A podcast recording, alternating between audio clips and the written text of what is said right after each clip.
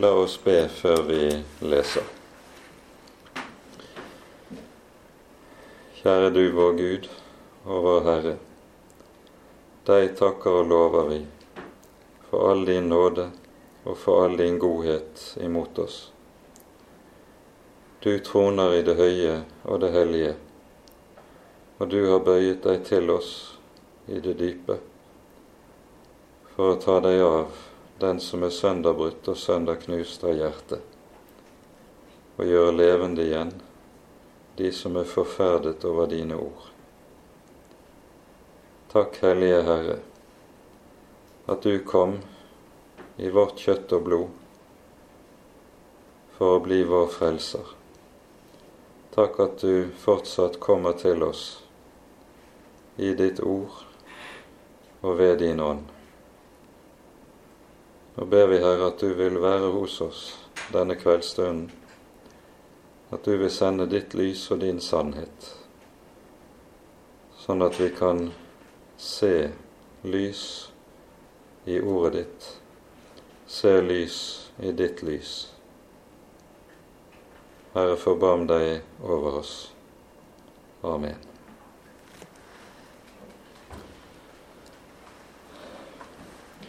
Vi tar oss da tid innledningsvis til å lese gjennom hele kapittel 45 i sammenheng. Det er 25 vers, eh, men det har vi tid til. I Jesu navn. Så sier Herren til Kyros, sin salvede, han som jeg holder i hans høyre hånd for å kaste hedningefolk ned for ham for å løse beltet fra kongens lender og åpne dører for ham for at ingen porter skal holdes stengt. Jeg vil gå frem foran deg, og bakker vil jeg jevne. Dører av kobber vil jeg sprenge, og bommer av jern vil jeg hogge i stykker. Jeg vil gi deg rikdommer i mørket, og skatter som er gjemt på mørke steder så du kan vite at jeg er Herren som kalte deg ved navn, Israels Gud. For Jakobs, min tjeners skyld, og for Israels, min utvalgte skyld, kalte jeg deg ved navn. Jeg ga deg hedersnavn, enda du ikke kjente meg. Jeg er Herren og det er ingen annen. Uten meg er det ingen Gud. Jeg bandt beltet om deg enda du ikke kjente meg, for at de, både i øst og i vest, skal vite at det er ingen uten meg. Jeg er Herren, og det er ingen annen. Det er jeg som er lysets opphav og mørkets skaper som gir lykken og skaper ulykken. Jeg, Herren, gjør alt dette. Dere himler, la det regne ovenfra. La det strømme rettferdighet ned fra skyene. Jorden åpner seg så den kan bære frelse som frukt, og sammen med den skal den la rettferdighet spire frem. Jeg, Herren, skaper dette. Ved den som tretter med sin skaper et skår blant andre potteskår av jord, kan leiren si til han som former den, hva gjør du? Kan ditt verk si om deg, han har ingen hender? Ved den som sier til en far, hva er det du avler? Eller til en kvinne, hva er det du føder? Så sier Herren, Israels hellige, Han som skapte det. Spør meg om de kommende ting. La meg dra omsorg for mine barn og for mine henders verk. Jeg har gjort jorden, og menneskene på den har jeg skapt. Mine hender er det som har utspent himmelen, og hele dens hær har jeg latt stå frem. Jeg har oppvakt ham i rettferd, og alle hans veier vil jeg jevne. Han skal bygge opp min by og løslate mitt bortførte folk uten betaling og ikke for gave, sier Herren, herskarenes Gud. Så sier Herren, Egypts formue og Etiopias vinning og sabeerne og de høyvokste menn skal komme til deg, og deg skal de tilhøre, deg skal de følge, i lenker skal de gå, og for deg skal de kaste seg ned. Deg skal de bønnfalle. Bare hos deg er Gud, og det er ingen annen, ingen annen Gud. Sannelig, du er en Gud som skjuler seg, du Israels Gud, du frelser.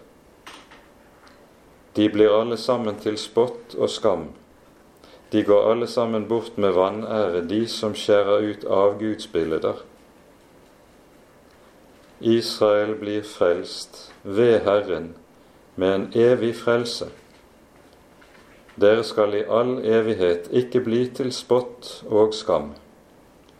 For så sier Herren som skapte himmelen, Han som er Gud, Han som dannet jorden og gjorde den, Han som grunnfestet den, han som ikke skapte den til å være øde, men dannet den til bolig for folk. Jeg er Herren, og det er ingen annen. Ikke i det skjulte har jeg talt, ikke på et sted i et mørkt land. Jeg har ikke sagt til Jakobs ett, søk meg uten nytte.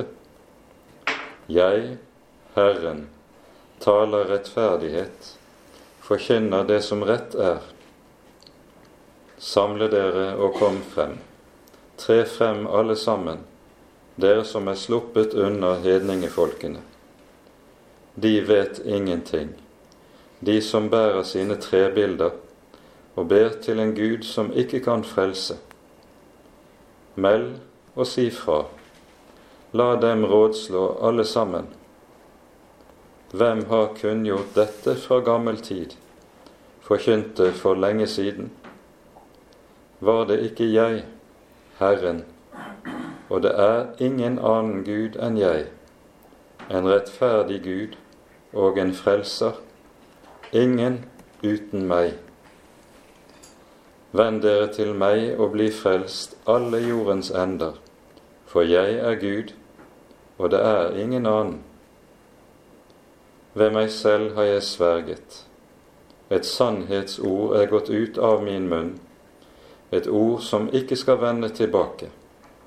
For meg skal hvert kne bøye seg, hver tunge skal sverge meg troskap. De skal si om meg, bare i Herren er det rettferdighet og styrke. Til ham skal de komme, og til skamme skal de bli alle som brenner av harme mot ham. Ved Herren skal hele Israels ett bli rettferdig og rose seg, hele Israels ett. Amen. I den eh, forrige bibeltimen så pekte vi på, da, på hvordan det som er det grunnleggende hovedtema gjennom hele denne delen av Jesaja-boken, like som det er det i store deler av Det gamle testamentet, det er første bud. Spørsmålet hvem er det som er Gud? Avgudene, som Israel stadig lar seg friste til å tilbe og til å følge, fordi de tar etter det som er vanlig blant nabofolkene, eller er det Herren som er Gud. Dette temaet møter vi igjen også i dette kapittelet. Og vi møter det igjen i et særlig perspektiv, nemlig det vi kan kalle for et universelt perspektiv. Her handler det ikke lenger bare om Israels folk hvem er det Israel dyrker og tilber som sin Gud? men det handler om alle folkeslagene. Nemlig at Herren vil la seg kjenne av folkeslagene, alle folkeslag på jorden. Og dette, når du leser dette kapittelet i sammenheng, ser du hvordan dette gjentas i en rekke, en rekke ganger gjennom hele kapittelet. Vend dere til meg, alle jordens ender, og bli frelst. Og Dette knytter jo til det som er løftet som var gitt til Abraham allerede i Første Mosebok 12. kapittel, når han blir kalt, der det sies i løftet om velsignelsen, så lyder det i deg skal alle jordens slekter velsignes. I, særlig i Jesaja-boken er det dette løftet som gjelder alle folkeslagene, aktualiseres og løftes frem på en særlig kraftfull måte. Kapittelet begynner med den forunderlige profetien om Kyros. Jesaja, vi har jo pekt på tidligere, at trøsteboken, altså kapitlene fra kapittel 40 av og utover, de er talt etter den store katastrofen med det asyriske angrepet i 701 før Kristus. Der hele Israels land legges, legges øde. Det er bare Jerusalem som blir spart. Og så er det etter denne katastrofen at Jesaja får denne oppgave å forkynne trøsten. Så vi befinner oss nå fra på La oss ri rundt 700, 699, 698 før Kristus. Kyros han er den som eh, befrir Israel fra det babylonske fangenskap. Og det babylonske fangenskapet det tar ikke til før mer enn 100 år etter denne tid.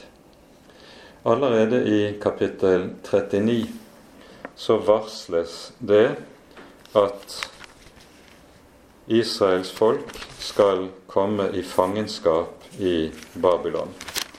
Vi hører at det kommer en offisiell delegasjon på besøk fra Babylon og så sies det i vers 6 i kapittel 39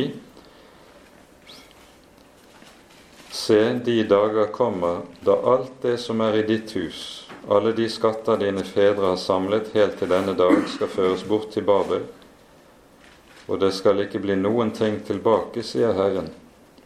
Og blant dine sønner, som skal stamme fra deg, og som du skal være far til, skal det være noen som blir tatt til hoffmenn i palasset hos kongen i Babel. Og når vi kommer til Jeremias tid, som uh, han begynner å virke en vel 70 år etter dette, da varsler Jeremia tydelig om igjen og om igjen hva som ligger foran pga. Israels avgudsdyrkelse. De skal føres i fangenskap i Babel.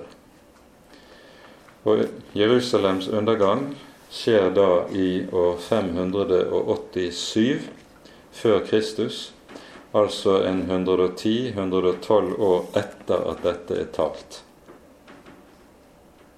Og der blir da folket i fangenskap i Babylon frem til Kyros erobrer Babylon, og det skjer i år 539 før Kristus. Det er den vanlige dateringen i dag.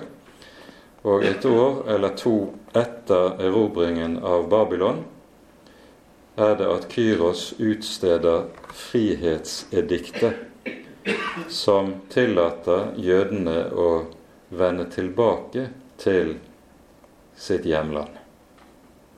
Vi hører om dette i innledningen til Esras bok, og vi tar oss tid til å lese de par versene fra kapittel 1 hos Esra.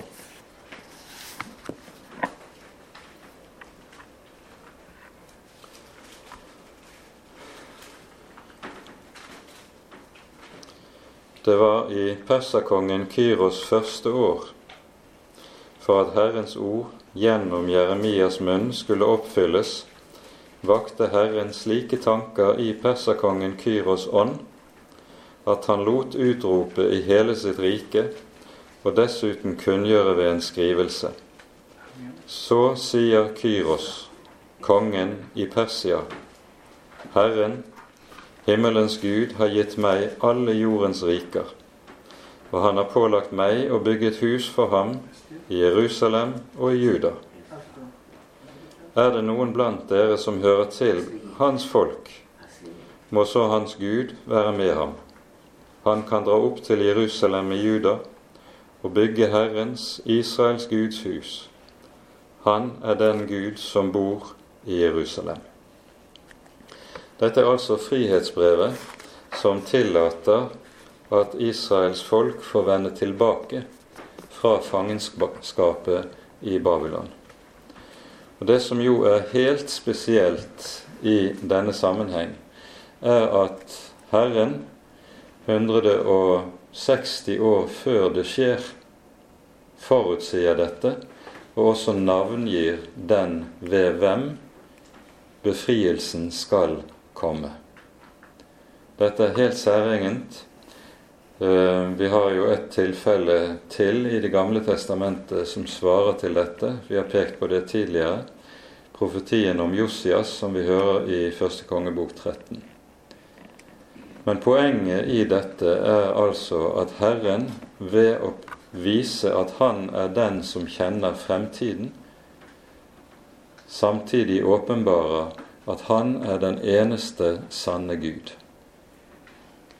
Han er den som vi hører i kapittel 46 sier om seg selv, den som fra begynnelsen forkynner enden. Og nettopp dette er det sterkeste Guds vitnesbyrd overfor folket som vi møter i disse kapitlene. Kyros var altså perser.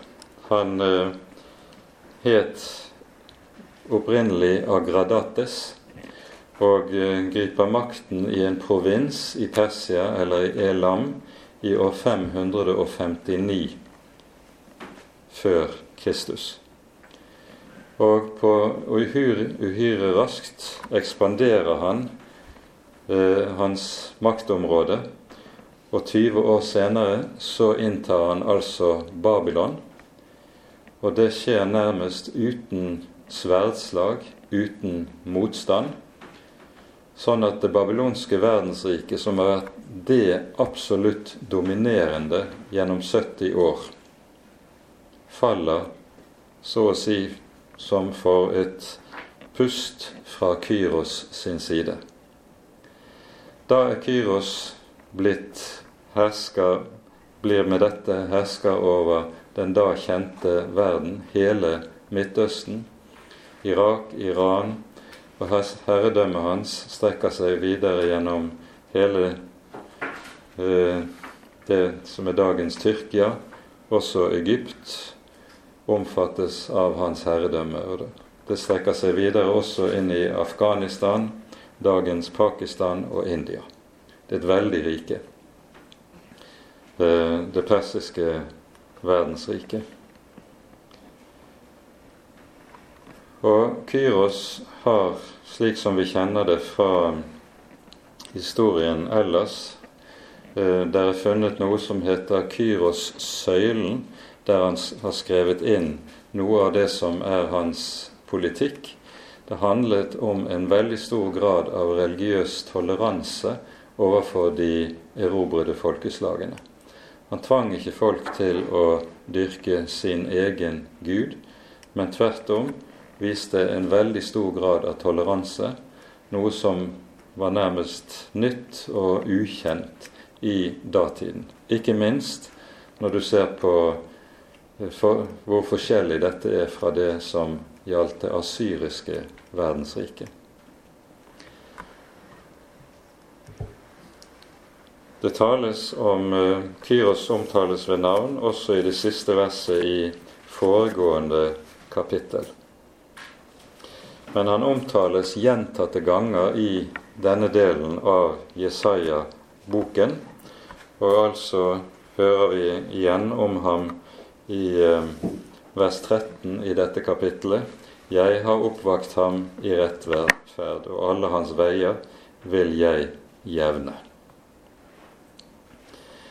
Det som er noe av poenget i denne sammenheng, er at akkurat som Herren nå forutsier hva som skal skje med Israel idet de skal i fangenskap og senere befris, så er dette en parallell til at Herren kunngjorde for Abraham at Abrahams etterkommere, det leser vi i Første Mosebok kapittel 15, folket skulle komme til å bo i fangenskap i Egypt i 400 år, og så ville Herren gjeste sitt folk og sørge for å sette dem fri.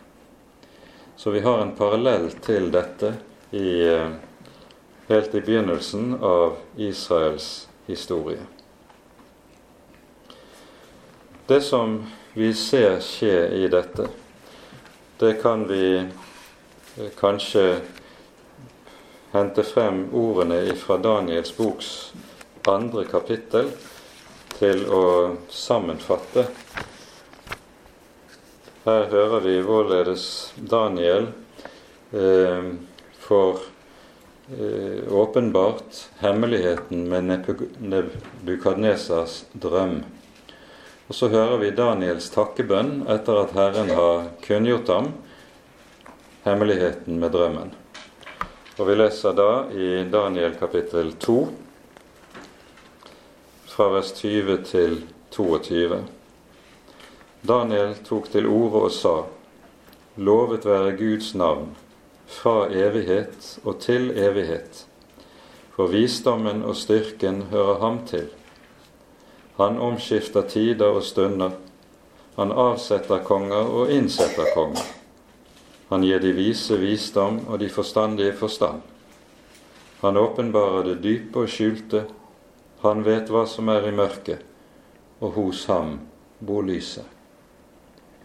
Slik er det Daniel tilber Herren i bevissthet om at Herren er historiens herre. Han avsetter konger og innsetter konger.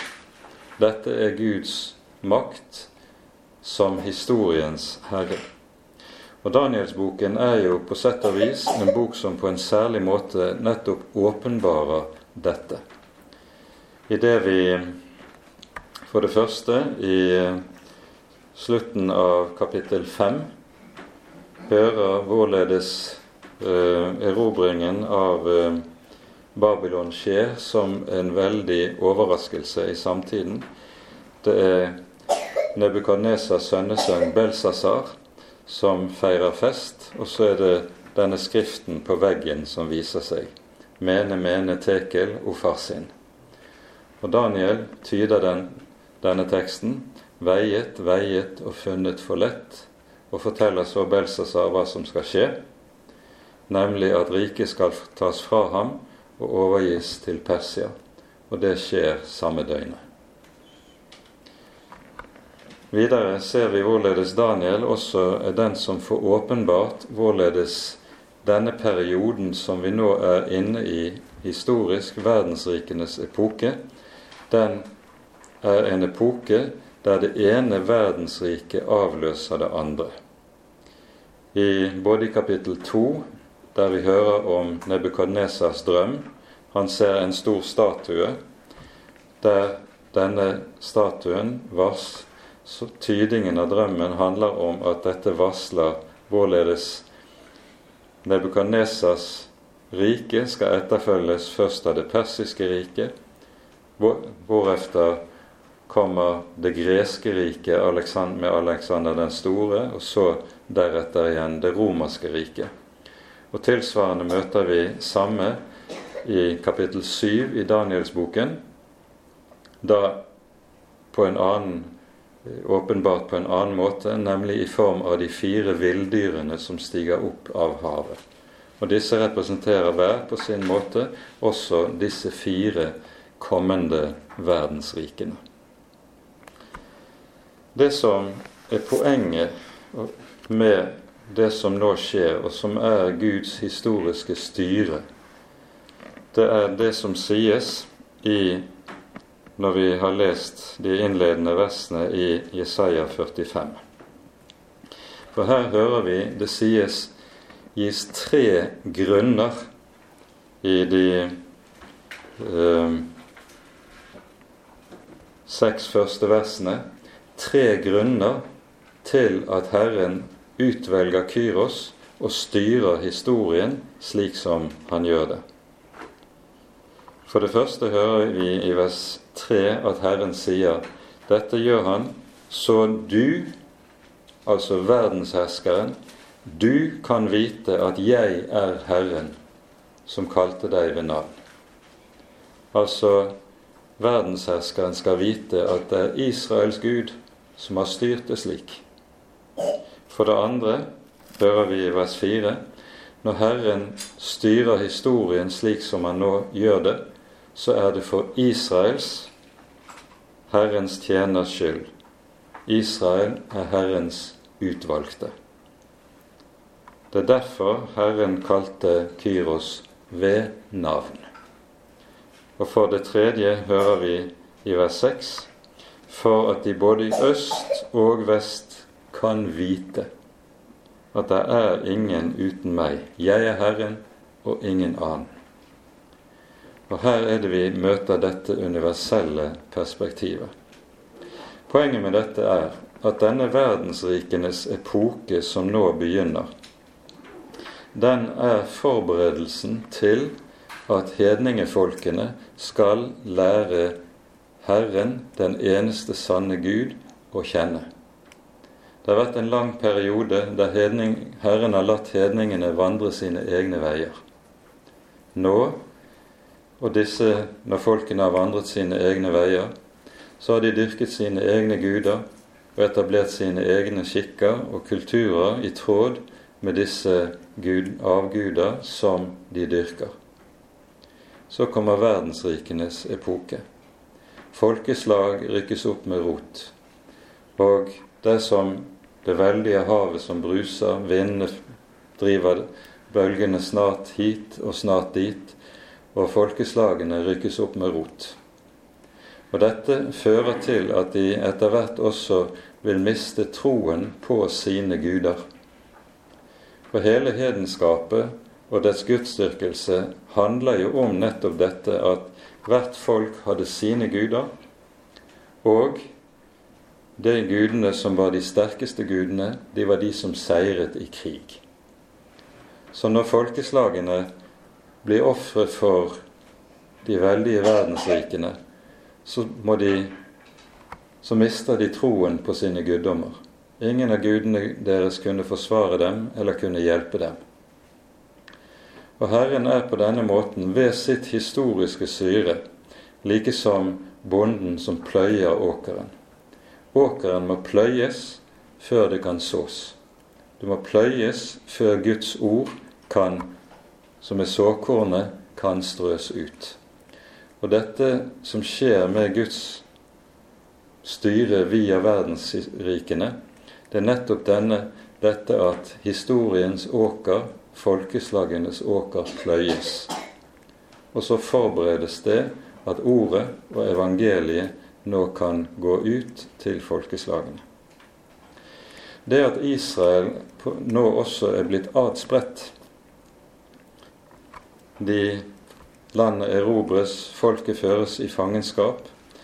Det fører til at folkeslagene også får kjennskap til Israels Gud og den gammeltestamentlige åpenbaring. Dette møter vi en rekke vitnesbyrd om i mange sammenhenger. Og dette har sin parallell til det vi hører om forfølgelsen av Jerusalem-menigheten i apostelgjerningene. Det brøt ut en stor forfølgelse etter at Stefanus var blitt steinet.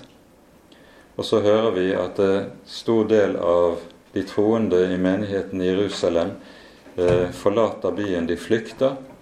Og hva gjør de? Jo, de forkynner evangeliet overalt hvor de kommer.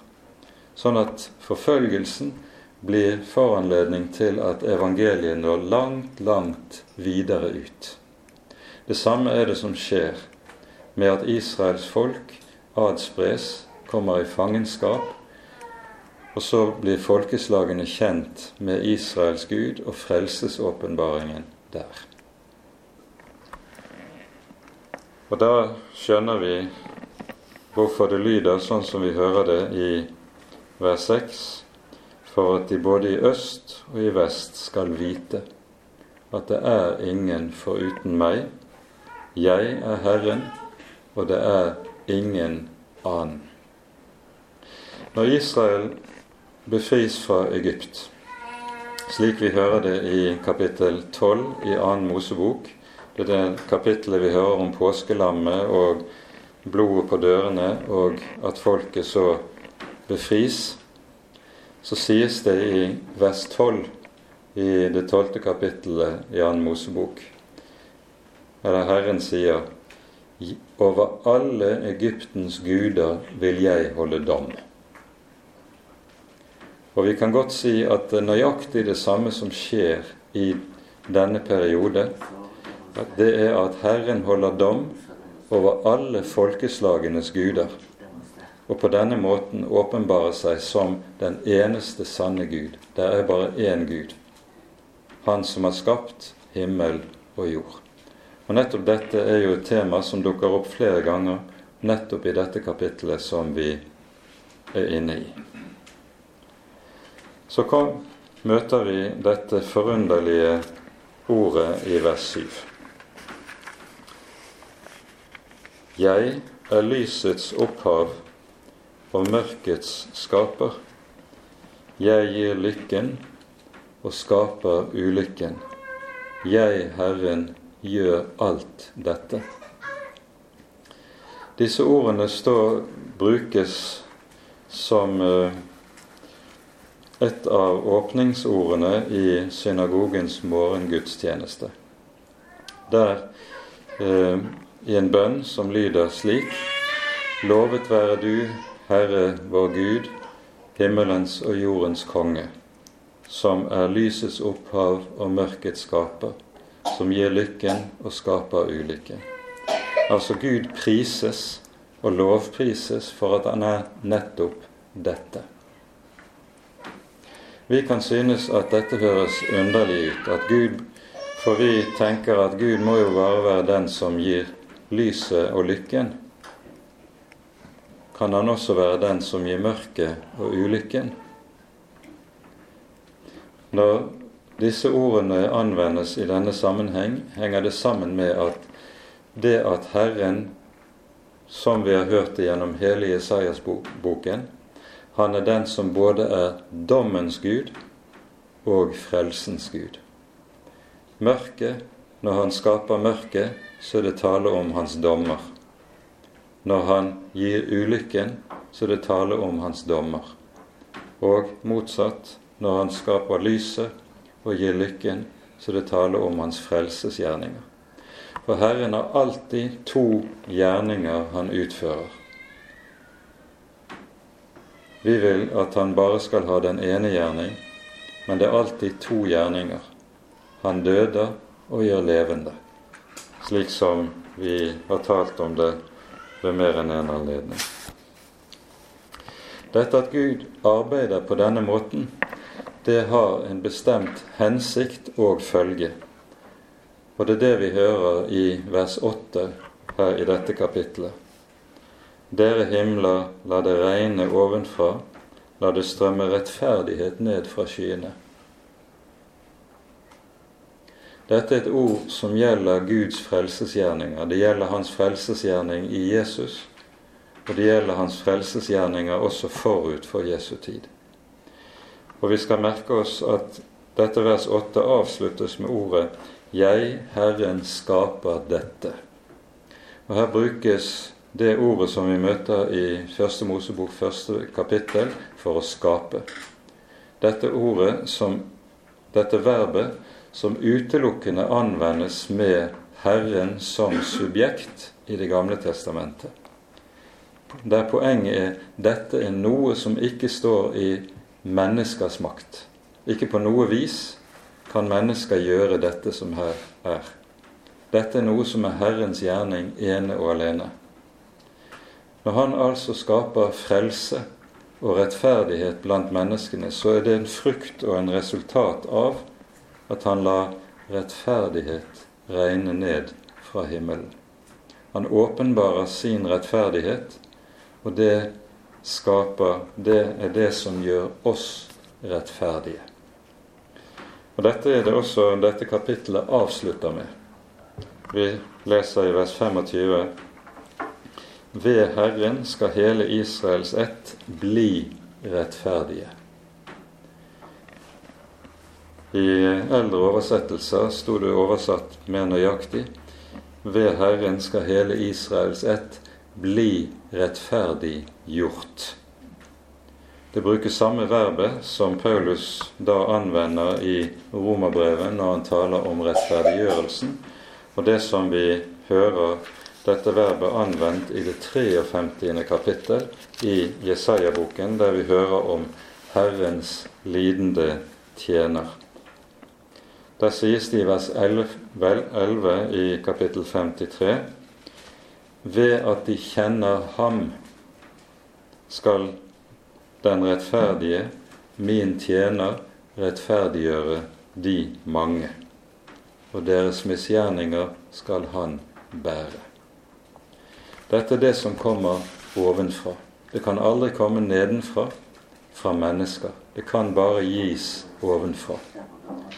Rettferdiggjørelsen er Guds gjerning, ikke menneskets gjerning.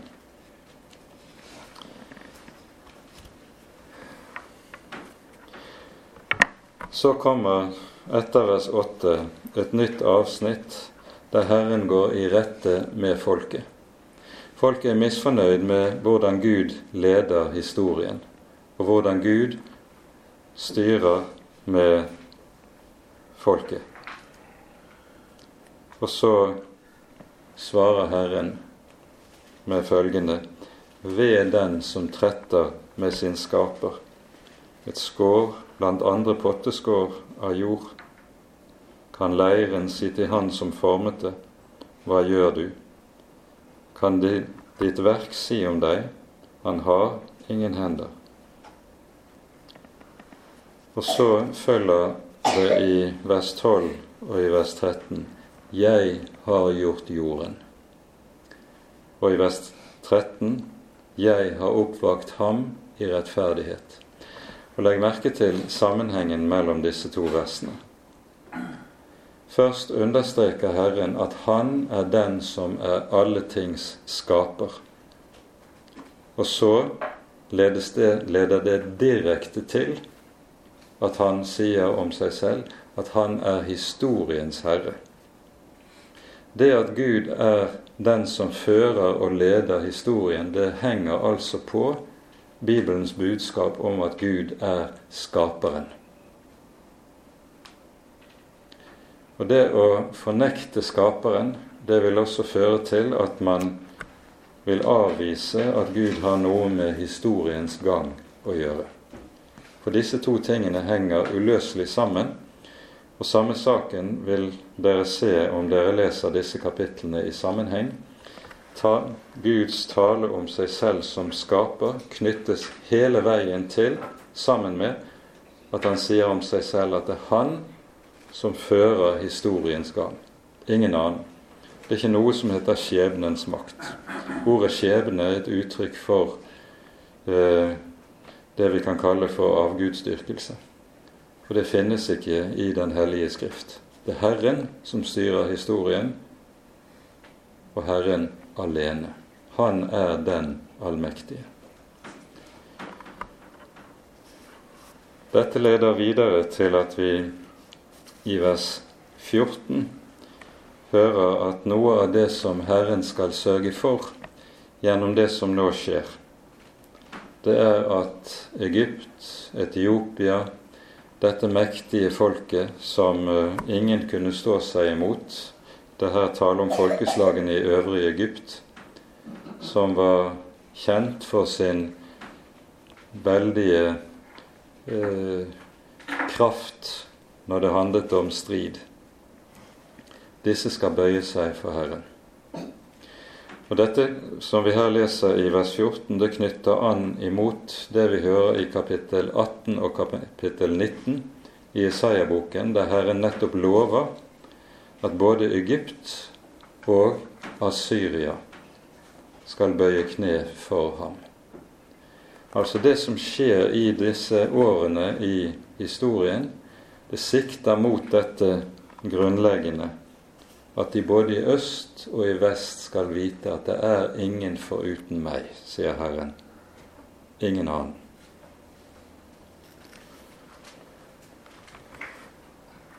De skal, som vi hører det her, tre frem for Israel og si 'bare hos deg er Gud', og det er ingen annen.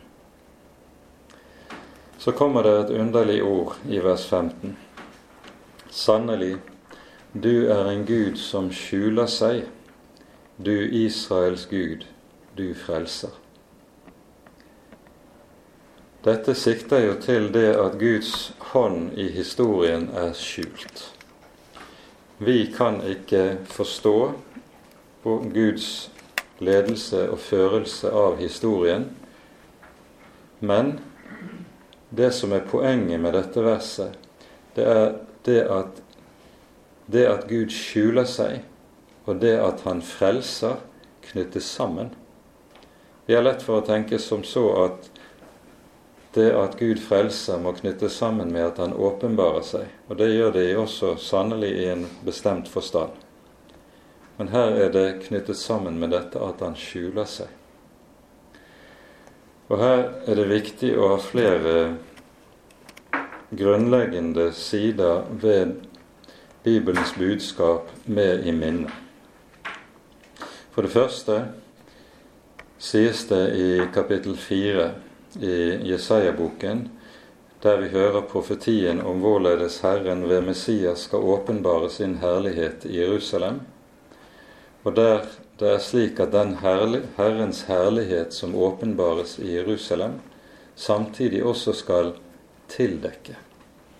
Over alt herlig er det et dekke, sies det i kapittel 4-5.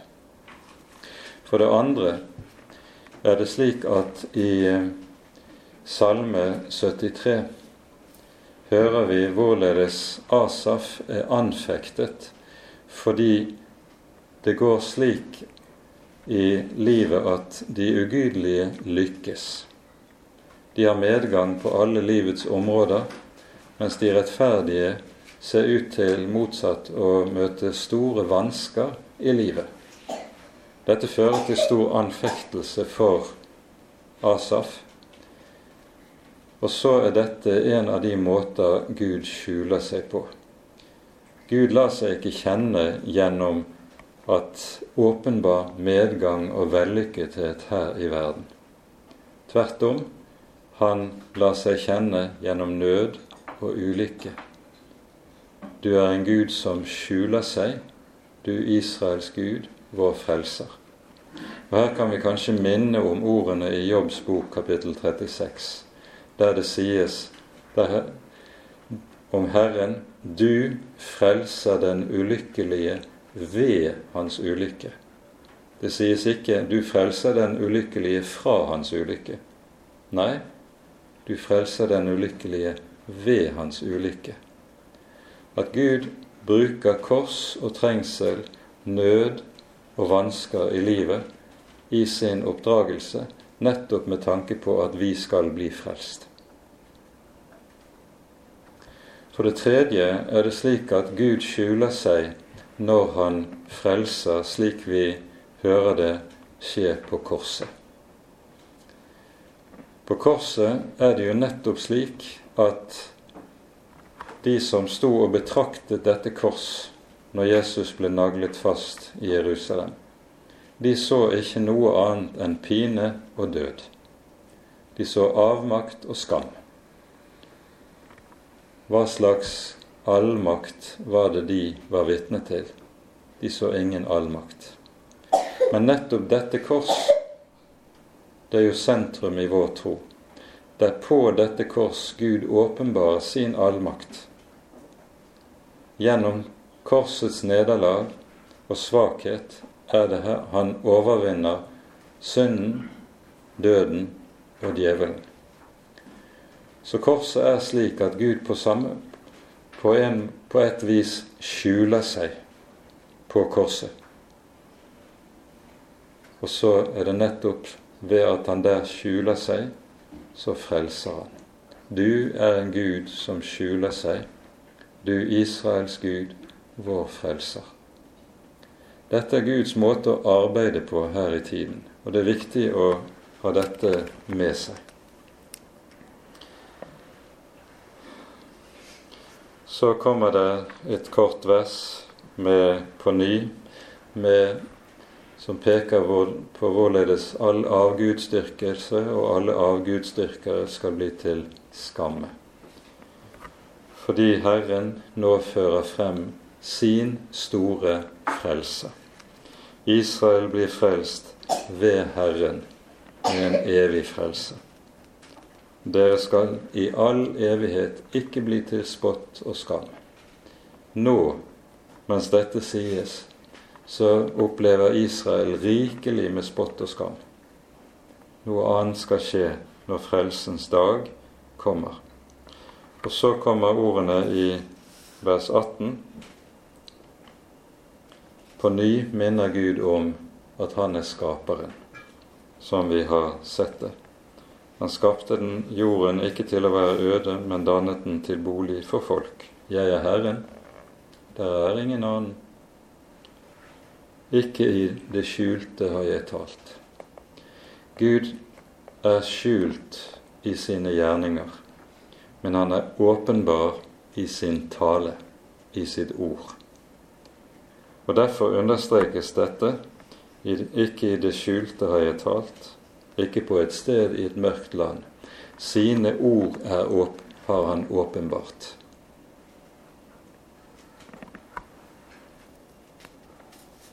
Og så får du denne i vers 20 og i vers 21 på ny gjentatt det oppgjør med avgudsdyrkelsen som vi møter flere ganger i disse kapitlene. Og så avslutter kapittelet med de ordene vi hører fra vers 22 og utover. Venn dere til meg og bli frelst, alle jordens ender. Det er det universelle perspektivet. For jeg er Gud, ingen annen. Og så kommer dette ordet i vers 23 som blir gjentatt og sitert av Paulus i Filippabrevets andre kapittel. I denne store hymnen, eh, som jeg tror vi skal ta oss tid til å lese, for det er viktig her å legge merke til hvorledes Paulus siterer fra Jesaja. Det er Filippabrevet kapittel 2,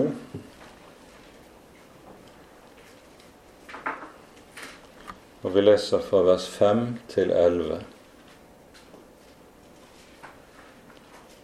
La dette sinn være i dere som òg var i Kristus Jesus. Han som da han var i Guds skikkelse, ikke holdt det for et røvet bytte å være Gud lik, men uttømte seg selv idet han tok en tjenerskikkelse på seg da han kom i menneskers lignelse og da han i sin ferd var funnet som et menneske, fornedret han seg selv og ble lydig til døden, ja, døden på korset.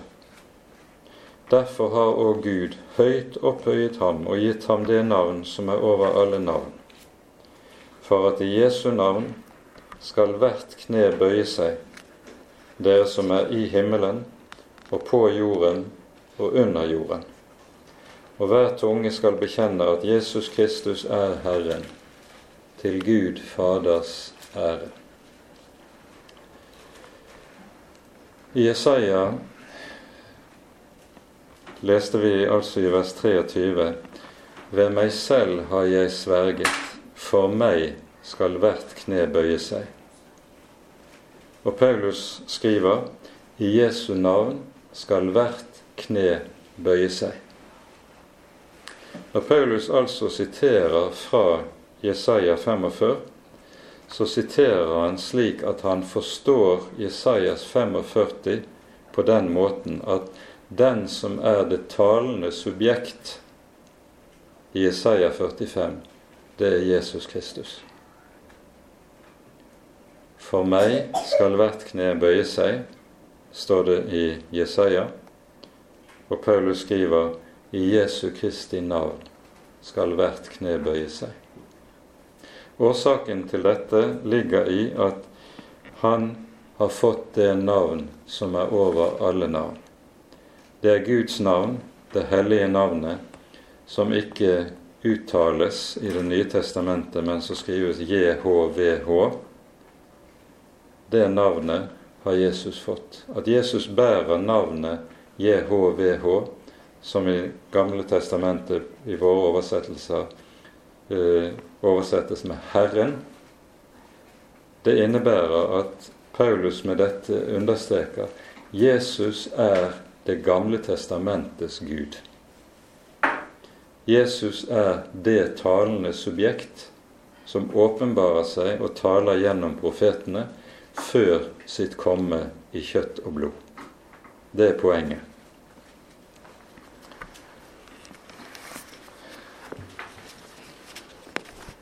Og så skal altså hvert kne bøye seg. Det er på ny det universelle perspektivet. Det innebærer ikke at alle mennesker skal bli frelst, men de som blir frelst, bøyer seg for ham i takk og i tilbedelse. De som ikke blir frelst, må bøye seg i skrekk når dommens dag kommer. Det er det store enten-eller som ligger der. Og så kommer det hvilken bekjennelse og hvilket vitnesbyrd disse skal avlegge. De skal si om meg, sier, hører vi, bare i Herren er rettferdighet og styrke, ikke i mennesket. Og legg merke til at det sies både rettferdighet og styrke. Herren alene er den rettferdige, og det er Han som rettferdiggjør den ugudelige. Herren alene er den som har styrken. Og han er vår styrke. Han gjør ikke oss sterke, men han er vår styrke. Like som han er vår rettferdighet. Bare i Herren. Og her ligger det stor vekt på, også i grunnteksten, på ordet 'bare'. Og Dette gjør vi vel i å merke oss. Og derfor skal all jorden vende seg til ham. Og så lyder det til slutt ved Herren, ikke ved egen makt og ikke ved egen kraft. Ved Herren skal hele Israels ett bli rettferdiggjort og rose seg. For Herren er vår ros. Herren er vår ære. Herren er vår herlighet. Han er det et kristent menneske bøyer seg for, fordi vi har fått lov til å høre med blant dem som innbefattes i disse ordene som vi har lest. Vend dere til meg, alle jordens ender, og bli frelst. Med det setter vi punktum for kveldens bibeltime. Ære være Faderen og Sønnen og Den hellige ånd, som var og er og være skal, en sann Gud, høylovet i evighet. Amen.